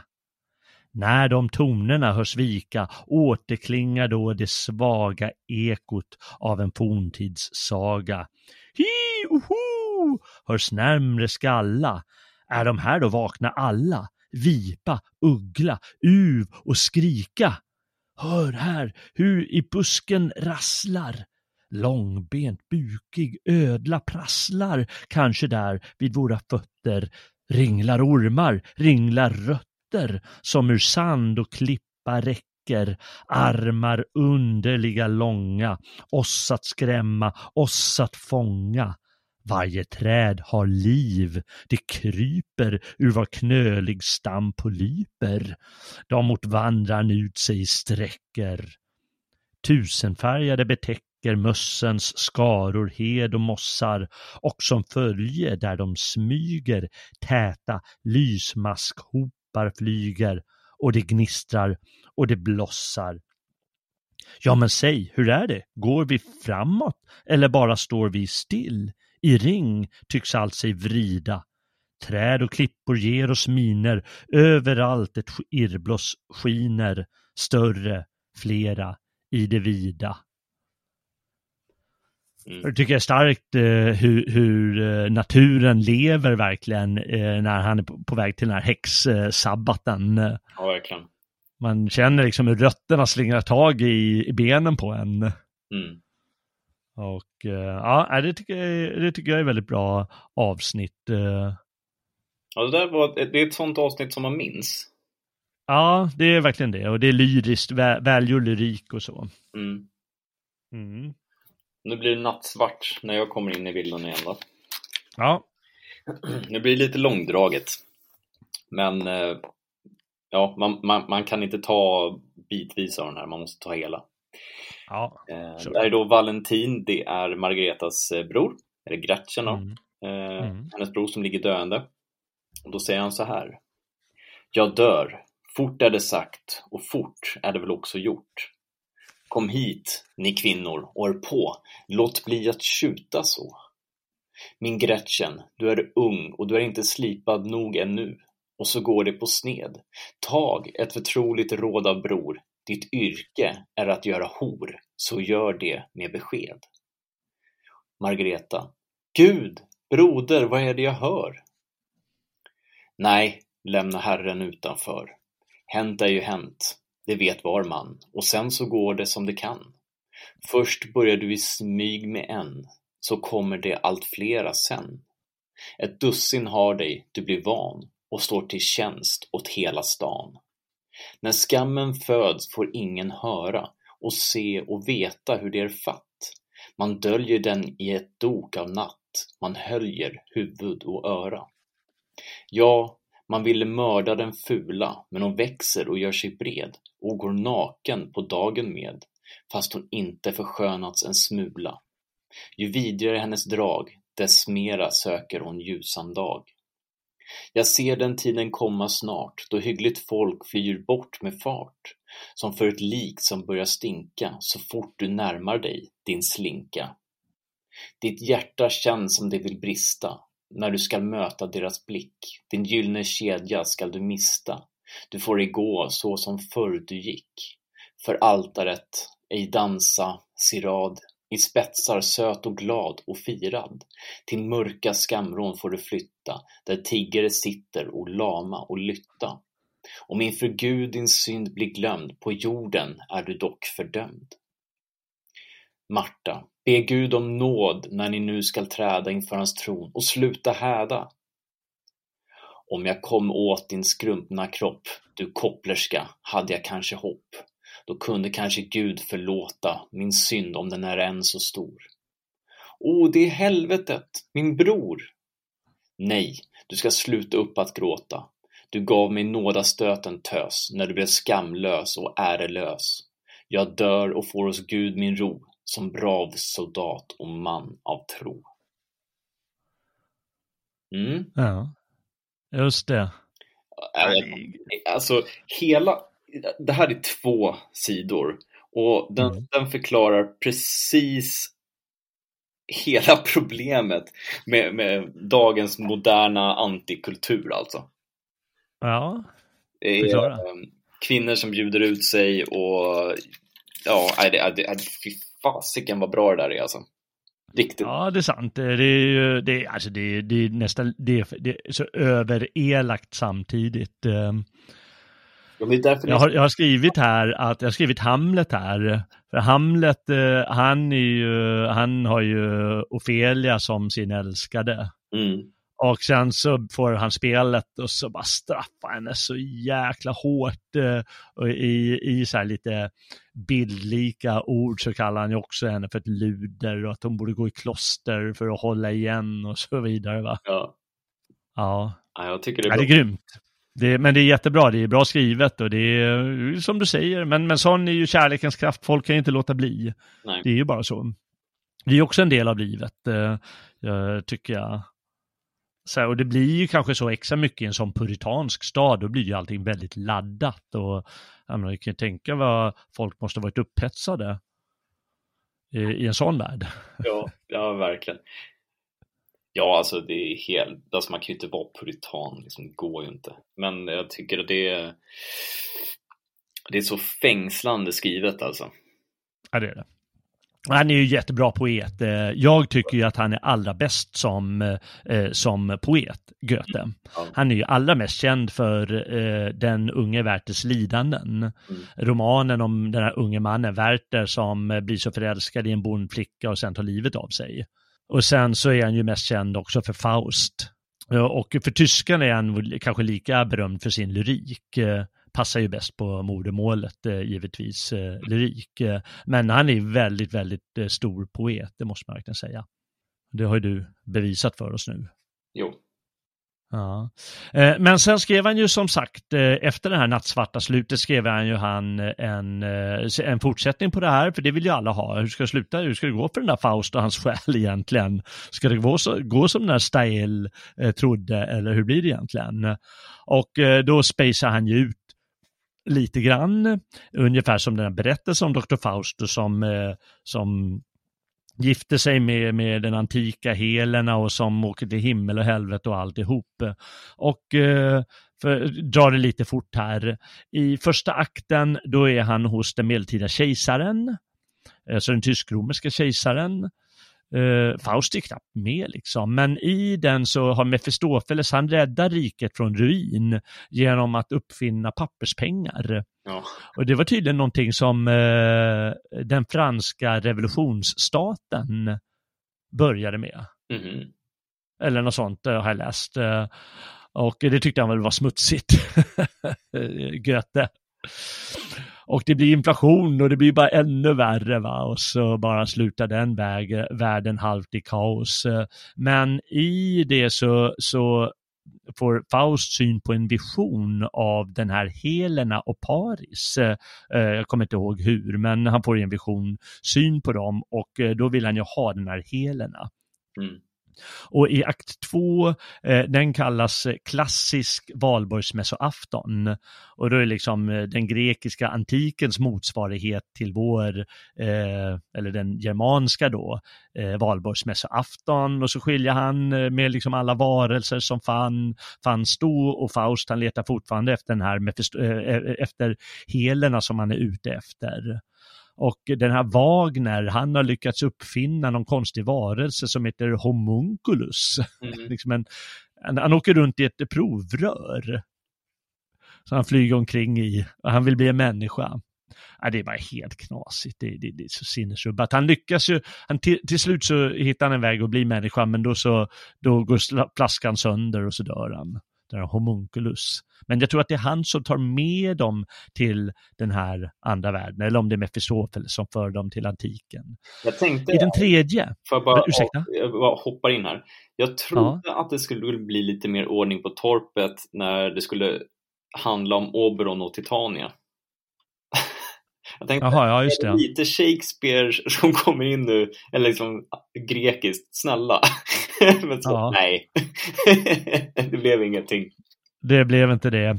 Och det är jättesvårt att läsa. Jag, jag, jag skrev till dig att eh, man kan titta i no fotnoterna, mm. eller efternoterna då. Och om man börjar göra det blir man galen. Och jag har ju läst den, jag har läst den här tre gånger och jag har tänkt varje gång, eh, ja men jag måste läsa i fotnoterna, men man blir bara helt tokig. Det står bara så mycket, ja, det är så mycket information och så mycket, det blir ingen njutning eller någonting, utan det är bättre att bara ha den här kaotiska läsningen och undra vem menar vad och varför och så vidare. Ja. Det funkar bättre. Men det repar sig allt eftersom och blir klarare och klarare. Eh, men det är lite problem för Mefistofeles, han förvandlar sig med jämna mellanrum och är någon annan. Och, och Faust lite också, så det är lite svårt att hänga med. Eh, och det är väl Goethe som helt enkelt, ja men nu ska jag ha kul liksom. Ja. Ni har hållit på med det i 60 år, nu, nu får det hända något. ja, nu får, nu, nu, jag har också rätt att balla ur ibland. I akt 3, då ska då blir det äntligen giftermål. Eh, då har Helena, hon har blivit hemtagen från det trojanska kriget som hon blev eh, enligt sagan. Eh, dit hon blivit bortrövad av Paris till Troja alltså. Och då efter trojanska kriget när grekerna vinner då för de henne tillbaka. Och där, där är där möter hon djävulen, eh, Mefistofeles förvandlad till en gammal kärring som kallas Forkydes eller Forkyades eller något sånt, Forkydas. Mm. Eh, och eh, hon för snart med Helena, för hon säger att ja men eh, din, din kung som du var gift med, han kommer slå ihjäl dig, så det är bäst att följer med här och så får du bli brud åt Faust istället. Och Faust han är korsriddare ungefär. Möts återigen medeltiden och antiken och det är väl något det han vill skildra på något sätt, eh, skapa en syntes mellan det eh, på sitt lilla sätt Goethe. Och sen så gifter de sig och får ett barn som heter Euforion och så får man lite sån här arkadisk eh, eh, naturkänsla där. Eh, men till slut så går den här drömmen i kras och hela de, de åker ner i, i eh, ja, till någon sorts underjorden. Och du ska påminna om eh, eh vad heter Orfeus och eh, Evridike, en annan grekisk myt där hans älskade Vrydiker slinker ner i, i underjorden igen efter att han nästan lyckats rädda henne. Men han ger inte upp Faust, utan nu har han upplevt kärleken och giftermål med den vackraste kvinna som någonsin existerat, men uh, han är inte nöjd med det. Utan han vill vidare och nu vill han hålla på och bemästra naturen och skapa av naturen. Han står uppe i stora berg och ser allting framför sig. Ja, men jag ska göra det och jag ska göra det och det. Men så råkar kriget komma runt hörnet eh, och då blir han övergeneral hos kejsar igen och kejsaren igen. Och så vinner de tillsammans med Mefistofeles eh, hårda mannar, vinner de ett slag. kejsaren han är vinnare men du så slurar kyrkan av honom hela vinsten ungefär. Men han har lyckats ge en bit land åt Faust i alla fall. Och i den sista akten, akt 5, läste du den igår? Mm, ja, halvt om halvt bara. Halvt om halvt. Eh, där, där, nu ska han bli entreprenör. Han ska skapa liksom eh, välstånd. Mm. Så han torkar ut en, eh, en vik eller något sånt Eh, med, med, kanaler och med, med palissader och liksom gigantiskt arbete. Eh, och eh, så, så att det blir en naturlig hand lite längre ut så natur, eh, skeppen kan komma så det blir handel och det här utdikade området blir det ju eh, stor, bra jordbruk och så vidare. Så han har, jag tycker det är fantastiskt det han har gjort eh, och han, han har blivit gammal gubbe nu så han är flera hundra år gammal eller något. Och, eh, men det är någonting som stör honom. Och då är det ett par, ett gammalt par som bor i en liten eh, stuga och de har ett litet kapell där bredvid. Eh, och de är så här dygdiga och fina. De heter eh, Filemon och Baukis. Mm. Och de vill inte flytta på sig. Men då kommer Mefistofeles förbi. Ja, du håller fortfarande på Faust. Ja, jag håller på, men jag stör mig på det här paret. Vet du. De har en liten klocka som plingar när, ibland när ett skepp kommer eller något sånt där. Det stör mig som sjutton. Kan du inte... ja, men du kan... Jag, har försökt snacka med dem, de lyssnar ju inte. De, är, de har ju så dåliga öron. Så kan inte du fixa det med förståelse? Säg jag har ordnat med ett fint eh, område där och. De kommer aldrig kunna leva bättre. Mm. Och Mefistofeles kommer tillbaka dagen efter och säger ja men nu är det fixat. Jaha, vad bra. Ja, nej de, nej, de lyssnar inte på mig heller men eh, jag satte eld på huset. så brann de upp så det är borta alltihop nu. Han sliter sitt hår Faust, det var inte så jag tänkte. Men det var så det blev i alla fall. Och eh, känner vi återigen att här har vi att göra med en syndare. Mm. Och det är ju också priset för kolonisering och allt det där, storföretag. Ja, det är sånt som händer om man har det. Ungefär då i alla fall eh, så kommer vi fram till det allra sista. Och eh, då är det faktiskt ett avsnitt, eh, ett, ett, ett avsnitt som jag tycker är helt ofattbart bra.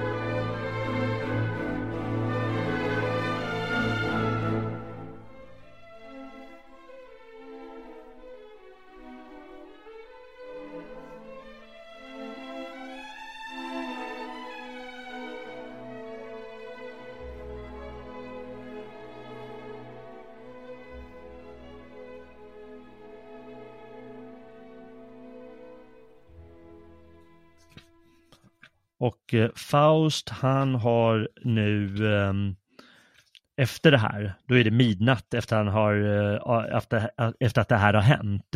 Och då är det fyra kärringar som är ute och går. Och de heter ehm, skuld, brist, nöd och bekymmer. Och de kommer fram till Fausts stängda dörr, eller hans palats stängda port. Och då tycker nöd, brist och skuld att ah, men där kommer vi inte in, vad jobbigt, men strunt i det, dit vill vi inte. Men bekymmer, hon säger så här, ni systrar, om porten är stängd för er tre, bekymmer, går in genom nyckelhål, se. Och så försvinner hon in genom nyckelhålet. Och Faust han säger snart, fyra sågs komma, tre blott gå. Och vad de sade kan jag ej förstå. Jag är på sidan 246 om du undrar. Mm. Jag tyckte ekot ljöd som nöd. Ett dystert rimord följde, död. Dov och spöklig klang med fasa i. Väl har jag kämpat men är än ej fri och kunde jag bli kvitt magin bara och låta alla trolldomsformler fara, då stod jag för dig som mannen blott, natur, och funne människovarat gott. Så var det innan jag sökt mörkrets makt, fördömt all världen och känt självförakt. Av spökeri är luften nu så tjock att ingen vet hur han ska undgå skrock. Hur klart och hur förnuftigt dagen ler, i drömmens virvar drar oss natten ner. Glatt går vi hem från äng i vårlig skrud, då kraxar fågeln, kraxar olycksbud. Vi snärjs i skrock, vi kommer inte loss. Det blir till bild och bud, det varnar oss. Vi står alena där med skräck i sin, när porten knarrar, träder ingen in. Och så upptäcker han, är någon där? Och så är det den här bekymmer. Och nu känner jag att nu kommer något att hända. Och vi är ju precis på slutet. Eh, mm. Han börjar, han känner väl aningar, Faust, eh, vad som är på väg att hända. Och eh, han vill jaga bort henne, eh, Faust, eh, men hon säger här är min rätta plats. Eh, om, om ej örat hör mig hamrar ekot dock i hjärtats kamrar och i skiftande gestalt styr jag världen grymt och kallt. Reskamrat på land och bölja skall som ständigt skräck jag följa. Trägen, aldrig bjuden gäst, smickrad och förbannast mest. Du känner dig bekymmer då? Och så pratar Faust lite och säger eh, hur, hur, han har strävat och strävat och strävat och strävat och hållit på. Då ska jag säga, ta lite till. På 248 är jag nu. Mm. Då säger bekymmer, den jag fångat i min snara, han kan låta hoppet fara. Evigt mörk hans rymd sig breder, solen går ej upp och neder och är än hans yttre sinne nyktert råder natt därinne. Alla skatter han förspiller, med och motgång blir till griller. Hungrig mitt i överflödet, törs han inte bryta brödet. Skjuter upp till morgondagen, ont och gott, av olust slagen. Väntar på vad som skall hända och kan ingenting fullända. Det är lite som Faust som bara strävar och strävar. Mm, verkligen. Men han säger bara, ditt dumma prat går mig förbi, så du kan sluta upp att sia iväg. Den klokaste kan bli förvirrad av din usla litania. Och då säger bekymmer. Skall han dröja? Skall han hasta? Hans beslut är aldrig fasta. På en bred och spikrik bana vill han vackla, famla, spana, ser allt skevare på tingen, skyr sig själv och gläder ingen, gläder, gläder, glider längre ner i djupen, flämtar, får ej luft i strupen, lever halvkvävd, undermålig, ej förtvivlad, icke tålig, kastad som ett spån på havet, kvald av friheten och kravet. En befrias, en förtrycks han, outsövd ur bädden rycks han, så bereds han genom denna hemska kretsgång för Gehenna. Ja, och så håller hon på så. Ja, det är, bekymmer vill man inte ha, eller hur? Nej. Nej. Och hon gör till slut eh, när, eh, eh, när Faust försöker få bort henne, säger han, gör hon honom blind. Men han ger inte upp ändå. Han fortsätter sträva. Han går ut dagen efter och eh, så säger han fortsätt bygg och fortsätt ordna och fortsätt liksom. Vi, vi ska göra klart det här eh, området och det ska bli fantastiskt. Va? Jag är den stora entreprenören. Jag ska skapa, liksom, skapa, skapa välstånd här. Mm. Och eh, då är Mefistofeles, har han tre stycken figurer med sig. Och så de håller på och gräver och så där. Bra killar, säger Faust ungefär, det är bra gjort. Eh, Eh, men de gräver en grav åt honom, för de har ju känsla av vad som ska hända. Och det är liksom rätt häftiga ironier då. Och då säger eh, Faust eh, till slut så här när han, han hör och hur allting verkar bli eh, fantastiskt där, som det som han har skapat den här platsen. Och då säger han till slut, jag ville se det vimlet, ville stå på fri jord med det fria folket så, då kunde jag få säga orden Dröj stund, du är så skön ändå. Se spåren av min dag på jorden kan i eoner ej förgå. I försmak av den lyckan njuter jag min levnads största ögonblick idag. Och sen så faller han omkull Och då tar Mefistofeles det som, ah, där vann jag vadet, perfekt, då fixar vi in med honom i graven. För han, ja, det, det, är hans sista ord helt enkelt. Och då tolkar Mefistofeles det som att, ja men nu, han sa stund du är så skön. Mm. Och då menar tolkarna utav det och lite olika, ja men han sa ju det i, som, en, som ett konjunktiv att detta kunde vara min största dag. Och då skulle det vara underbart att säga stund vad du är skön. Men eh, då, då ska han ta hand om hans själ och då, då plötsligt så öppnar sig jorden och helvetes eh, flammor väller fram och nu ska han ner i helvetet.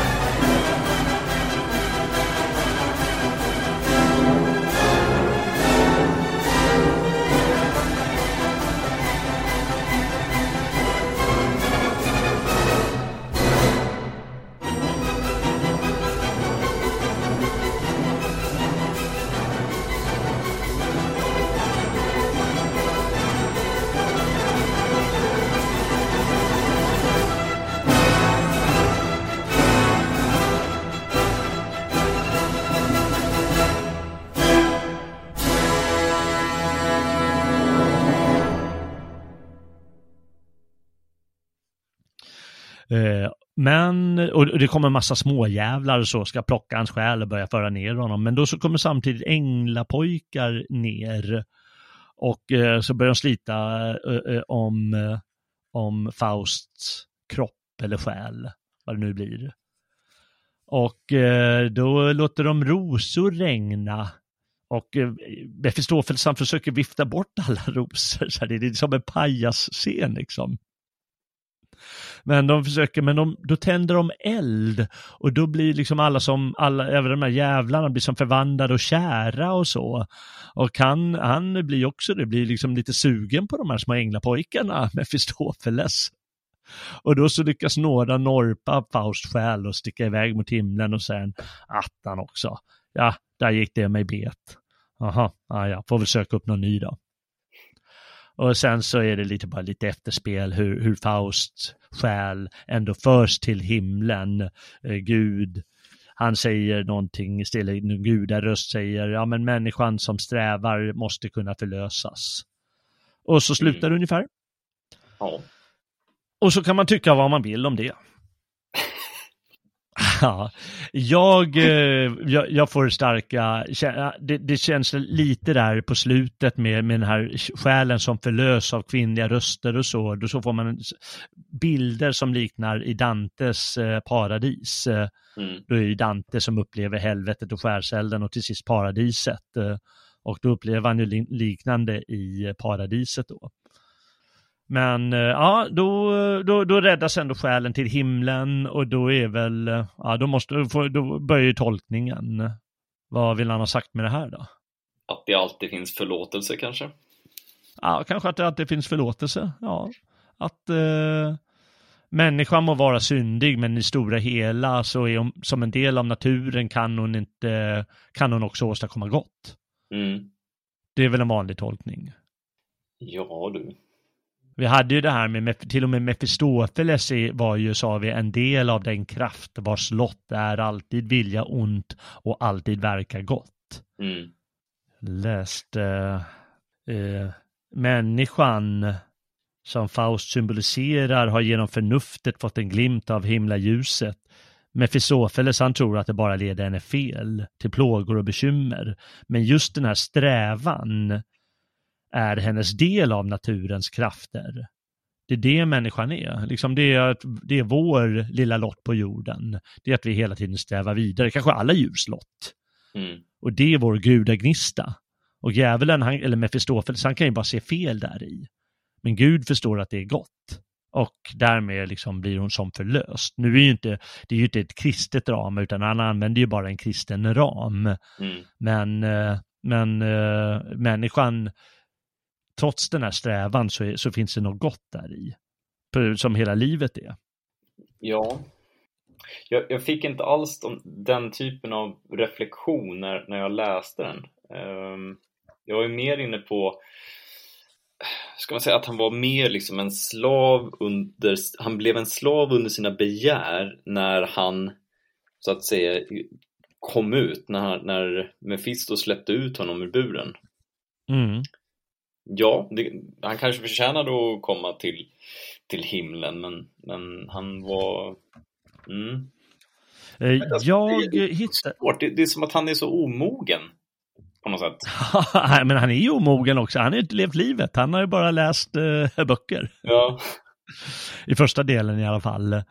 Ja, nej, men det är ju lite sant det där. Ja, det, det, det är knepigt. Jag läste i en bok jag har hemma som heter Goethes Faust eh, av någon gammal mm. professor. Eh, och då har Goethe själv skrivit till någon som står så här, Faust har inte helt förlorat vadet. Vi måste komma ihåg att det ögonblick han vill fasthålla inte innebär sinnlig njutning, så som Mefistofeles tänkt sig det, utan ett aktivt moment i förvandlingens tecken, ett medskapande i den eviga skapelseakten. Ah, ja. mm. Där är ju typiskt Goethe, att eh, allting är bara del av skapande som hela tiden sker. Det är bara att det växlar gestalt allting, att det omformas mm. och skapas mer och det är liksom, det är hans syn på naturen som liksom en evig puls. Ja, precis. Det, det, enda, det, det, sker, det blir alltid penseldrag, men det sker bara med olika färger. Det är ungefär så, precis. Han har ju gjort en färglära, det är bra att du säger så. Han, han skrev ju en tjock bok eh, som heter Färglära. Och då går han igenom, eh, försöker han motsätta sig Newtons syn på färgläran. För Newton är det att färgen uppstår när du sätter dem mot ett prisma. Mm. Då, då sprider sig ljuset och skapar färger. Och det är de färger vi har, det är så all färg funkar. Men då försöker Goethe säga att, eh, ja men om man, om man studerar hur, hur ljuset uppstår kommer man se liksom att ljus eh, och skugga kommer påverka och färgerna kommer påverka varandra. Och framför allt så kommer vi som människor att se färgerna på olika sätt beroende på dess konstellation och så. Och så skriver han en tjock bok om det och då är liksom inte den mekaniska synen utan just eh, med de här penseldragen som du säger. Att eh, det finns, det finns tunna penseldrag, tjocka penseldrag och allt eftersom sammanhanget mm. ger dem och hur man upplever dem. Och han ansågs ju då som liksom en sån, ja men någon sorts klok gammal gubbe som, som i all misär kan se världen försonas. Ja, ja. Mm. Goethe.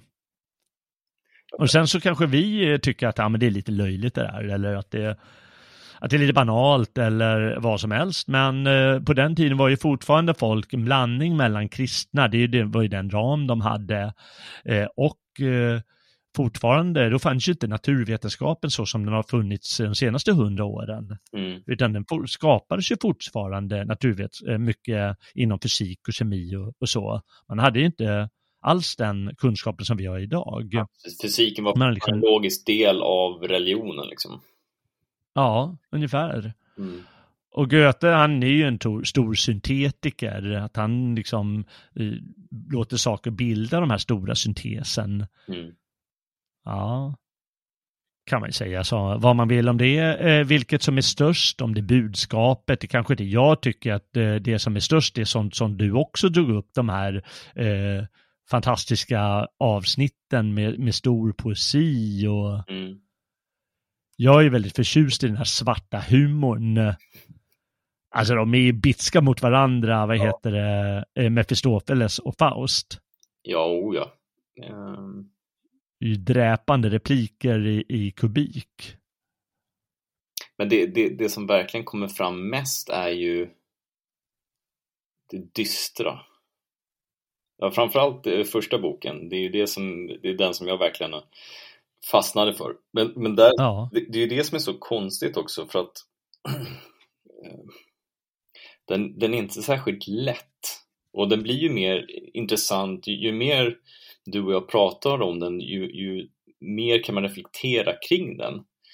Mm. Innan, när jag bara hade läst den och utan att liksom tala med dig, så, mm. så var den betydligt mörkare.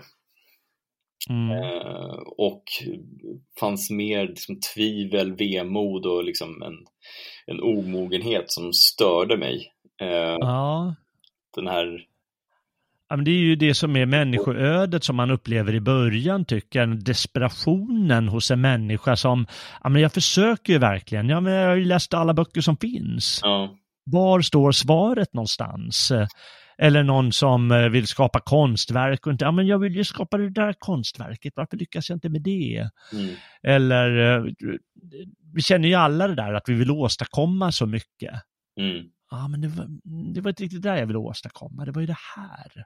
Och så vidare. Och den där desperationen känner man ju av och det går ju igenom, det går igenom alltihop egentligen. mm, Och det är ju ett, eh, en tragisk del av människan. Att den här strävan är ju helt fantastisk, vad vi kan åstadkomma med den strävan. Särskilt då enligt Spenglers syn på den västerländska människan. mm, Den utforskar hela rymden liksom. Det finns inget slut för vad vi, vad vi kan sträva efter. Men den har ju samtidigt den här dystra sidan, att det är som att vi inte blir nöjda eller inte hittar det vi söker och så vidare. Och det lyckas han ju ge uttryck för, tycker jag. Ja, eh, min, min bild av, av det ordet, strävan, och vad det innebär, det handlar ju om att man Mm. ut en, en, en riktning. Mm. Och det är ju inte en riktning som Faust har. Utan det blir, det ju, när han släpps fri eh, efter att ha skakat hand med djävulen så Mm. får jag mer ett intryck av att han, han, han har ingen riktning. Så vad, vad är det första en man gör då? jo, man, man följer dasen liksom. Eh, Ja. det är väldigt intressant, för det fångar han ju otroligt bra. ja, Eh, att det är sant. vi blir mest primitiva av oss när vi står utan strävan. Ja, men, men då kan man väl säga att det är liksom inte bara sexet han är ute efter, det är kärleken. Ja, ja, ja, ja absolut. Och det är ju en, det är också en stark mänsklig kraft. eh, Ja, men, En försonande kraft ofta. oh ja. Eh, Men, men det blir ju det. Och, och det är ju, han har ju Mefistofeles eh, med sig som hela tiden, hörru sängkammaren är där borta, sängkammaren är där borta. ja. ja. Men det blir ju liksom, han skapar ju, han gräver ju lite sin egen grav där genom att han, han genom att han faller för kärleken sådär och sin lusta, Mm. för om vi ska vara ärliga så kommer ju lustan fram på sina håll där. Ja, Eh, ja onekligen. Ja. Och, och jag menar, hans lusta skapar ett otroligt lidande och död. Mm. Jaha, ja, det är ju så. Ja, visst, verkligen. och han misslyckas ju till och med med, med det sista, nämligen att och liksom rädda sin älskade, liksom, trots att hon har liksom mördat barnet och alltså allting är kaos. Liksom. Ja. Ja. Så misslyckas han ju med att få henne därifrån, för hon är ju liksom knäckt. Mm, verkligen. Ehm, så, mm, Ja. Ja. Det är i alla fall starkt det där. eh, oh ja, eh, när man, eh, när man tänker, och man får ju tänka på den här tiden, då var det ju ännu starkare. ja, Som sagt, vi har ju invandrare här som, som kan ju mörda en hel familj bara för en sån här händelse. mm, På det, på det vedervärdigaste sätt vi kan tänka oss. Och om man liksom bara drar en del av det i alla fall så förstår man att det är otroligt laddat det här. Vi tycker att jaha, men det är väl ingen fara. Men på den tiden betydde det mycket mer. Att man Mm. eh, blev gravid utan att vara gift och, och så vidare. ja. Särskilt i en sån här liten, eh, liten, eh, liten stad. Men jag fattar inte varför han inte gifte sig med henne. Ja, jag kan man fråga. Då blir det inget drama. Nej, Nej det är sant. Ja. Det ja. hade väl inte varit lika intressant då kanske. Nej, det hade inte varit det. Det är ju... Ja, det är så det det funkar. ganska- Nej, men det, jag tycker i alla fall att, eh, visst den här tragiken och så, men det är ofta den här eh, eh, stå, fascinerande poesin. Den är inte alltid storslagen, utan den är väldigt mångsidig. Du drog de här, de här roliga sångerna på krogen där och, och jag drog det här i eh, eh, när de vandrar mot häxsabbaten. Eh, och det, det finns liksom väldigt så mycket olika sorters eh, poesi. Det finns jättemycket ironiska partier och som vi sa de här elaka eh, repliker på vers då mellan eh, Mefistofeles och, och Faust. Mm. Och det är en salig blandning av högt och lågt och den här svarta humorn. Så jag, jag tycker det finns väldigt många sådana avsnitt, men jag förstår ju också att helheten är ju det är någonting med att det inte griper oss riktigt som ett Shakespeare-drama. Nej. Ja, det är svårt att säga. Första delen tycker jag den är ju klar och tydlig och så. Andra delen är ju knepig, man kommer inte ifrån det. Nej, men jag då får, sista, sista delen där var ju, var ju bra. ja, sista delen är ju väldigt stark, liksom när han är entreprenör där och, och bekymmer kommer Ja, på besök. Kaosartat. Ja, kaosartat, ja. Nej, men det är, ja, det är ju vad det är. Man får väl ta det goda med det onda. Eh, Det är onekligen så att det har påverkat, påverkat eh, Spengler och skapa det sättet han har gjort eh, sin historieskrivning på. Mm. Eh, det, det- en annan stor eh, bok om det är ju Thomas Manns bok Dr. Faustus, en roman från 1947 tror jag det är. Mm. Då symboliserar, då är just eh, Faust, eh, han är ju en, eh, han heter Adrian Leverkühn och är musiker. Och han ingår en pakt med djävulen. Han ska symbolisera Nietzsche på sätt och vis, som får syfilis. Han ingår en pakt med djävulen om att han ska kunna skapa musikverk som alla fascineras av, som ingen har hört. Mm. Det är alla, alla musiker och konstnärers dröm givetvis. Och det får han göra, men så blir han ju galen på köpet sen också. Och då är det också en symbol för lite tredje, eh, Tysklands öde med tredje riket och så. Försöker han göra det. Ja. Och eh, med, med, med den form av eh, katastrof, för det, det var ju en, blev ju ändå det till slut för landet. Eh, Mm. efter kriget, så som eh, Thomas eh, Mann eh, ja, skapar sin roman utifrån. Och det är också, det, det, är liksom påverkat människor att skapa eh, sån stor konst. Det är en fantastisk roman, Dr. Faustus. Taget. Ja, det finns en opera för den som intresserar sig. Den heter väl bara Faust av en fransk eh, kompositör som heter Gounod. Eh, ja, den är, den är bra. Jag hade faktiskt inte lyssnat igenom den riktigt ordentligt förrän jag gjorde det här avsnittet och eh, hade jag missat något. Den måste jag se när den går upp på scenen någon gång. Det låter bra. Mm. Ja, det finns ju allt, allt möjligt, men eh, ja, det är ju, det är ju, det kanske inte finns mycket mer att säga. Ja, apropå saker att säga, vad ska vi prata om nästa gång? Just det. Eh, vi kanske ska ta den där Frankenstein eh, som du sa. Ja, det vore... Eller har du någonting som du börjat läsa? Ja, Ibsen? det, precis, det är Ibsen som ligger på nattduksbordet just nu. Ja, men det tar vi. Eh, det är ju också ett drama, också ett läsdrama och jag tror han är väldigt påverkad av Faust, men den här är mer, ja, den är, den är verkligen rolig. Den heter Per Gynt. Jajamän. Eh, har du den på svenska eller norska? ja, när jag skulle få tag på den så tyckte jag det var väldigt jobbigt. Läsa på norska har jag bara, ja, jag har läst bara Vikenäs på norska, men eh, Just det det, är inte riktigt kanske samma. då, har, du- då har du kanske Lars Forsells översättning. Ja, men den, den duger i krig. ja, jag, jag, jag kör på norska jag. ja, nej, jag, jag har en, eh, den svenska faktiskt. Jag lyckades Ja. hitta en riktigt sliten gammal bok. Om du väntar lite, nu ska vi se. Ja. Sådär, nu ska vi se. Mm. Den här Mm. får falla isär, vet du. Den är från 1927. Då ska vi se, Olof Lundgren. Jaha, okej. Ja, den är gammal. Den har jag inte läst den översättningen.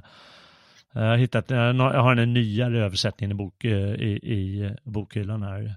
Här är, Men jag kör den nog på norska. det här är den, eh, den bok som ser mest trasig ut i hela mitt bibliotek kan jag säga.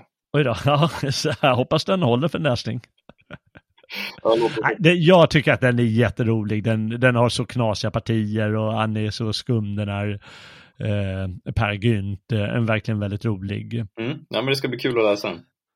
Ja, det kan eh, lyssnarna också göra om, eh, eh, om de vill förbereda sig. Vilken bra, vad bra att vi har det sagt. Eh, Härligt. Eh, vi får väl se när det blir, eh, när vi har möjlighet att spela in det programmet.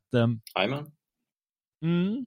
Men stort tack för den här aftonen i alla fall, Robin. Tack så mycket. Det var kul. Ja. Det var ett långt Ja, det är kul. Nu, nu har du fått i dig Faust också. Det, det är väl ett måste för varje västerlänning. Jajamän. Ja, nåväl. Tack också du som har lyssnat. Hoppas att eh, du har funnit det spännande och intressant eh, och att eh, ja, du fortsätter att sträva här i världen som alla faustiska människor. Eh, och om du gillar vad du har hört eh, får du gärna stödja vår verksamhet genom en stödprenumeration på Radio Svegot. Eh, då bidrar du till att göra vår fortsatta produktion möjlig och eh, ännu bättre. Allt om det kan du läsa på Svegots hemsida på svegot.se och klicka sedan teckna stödprenumeration. Och håll eh, gärna ögonen öppna på kommande avsnitt här på gamla och nya stigar.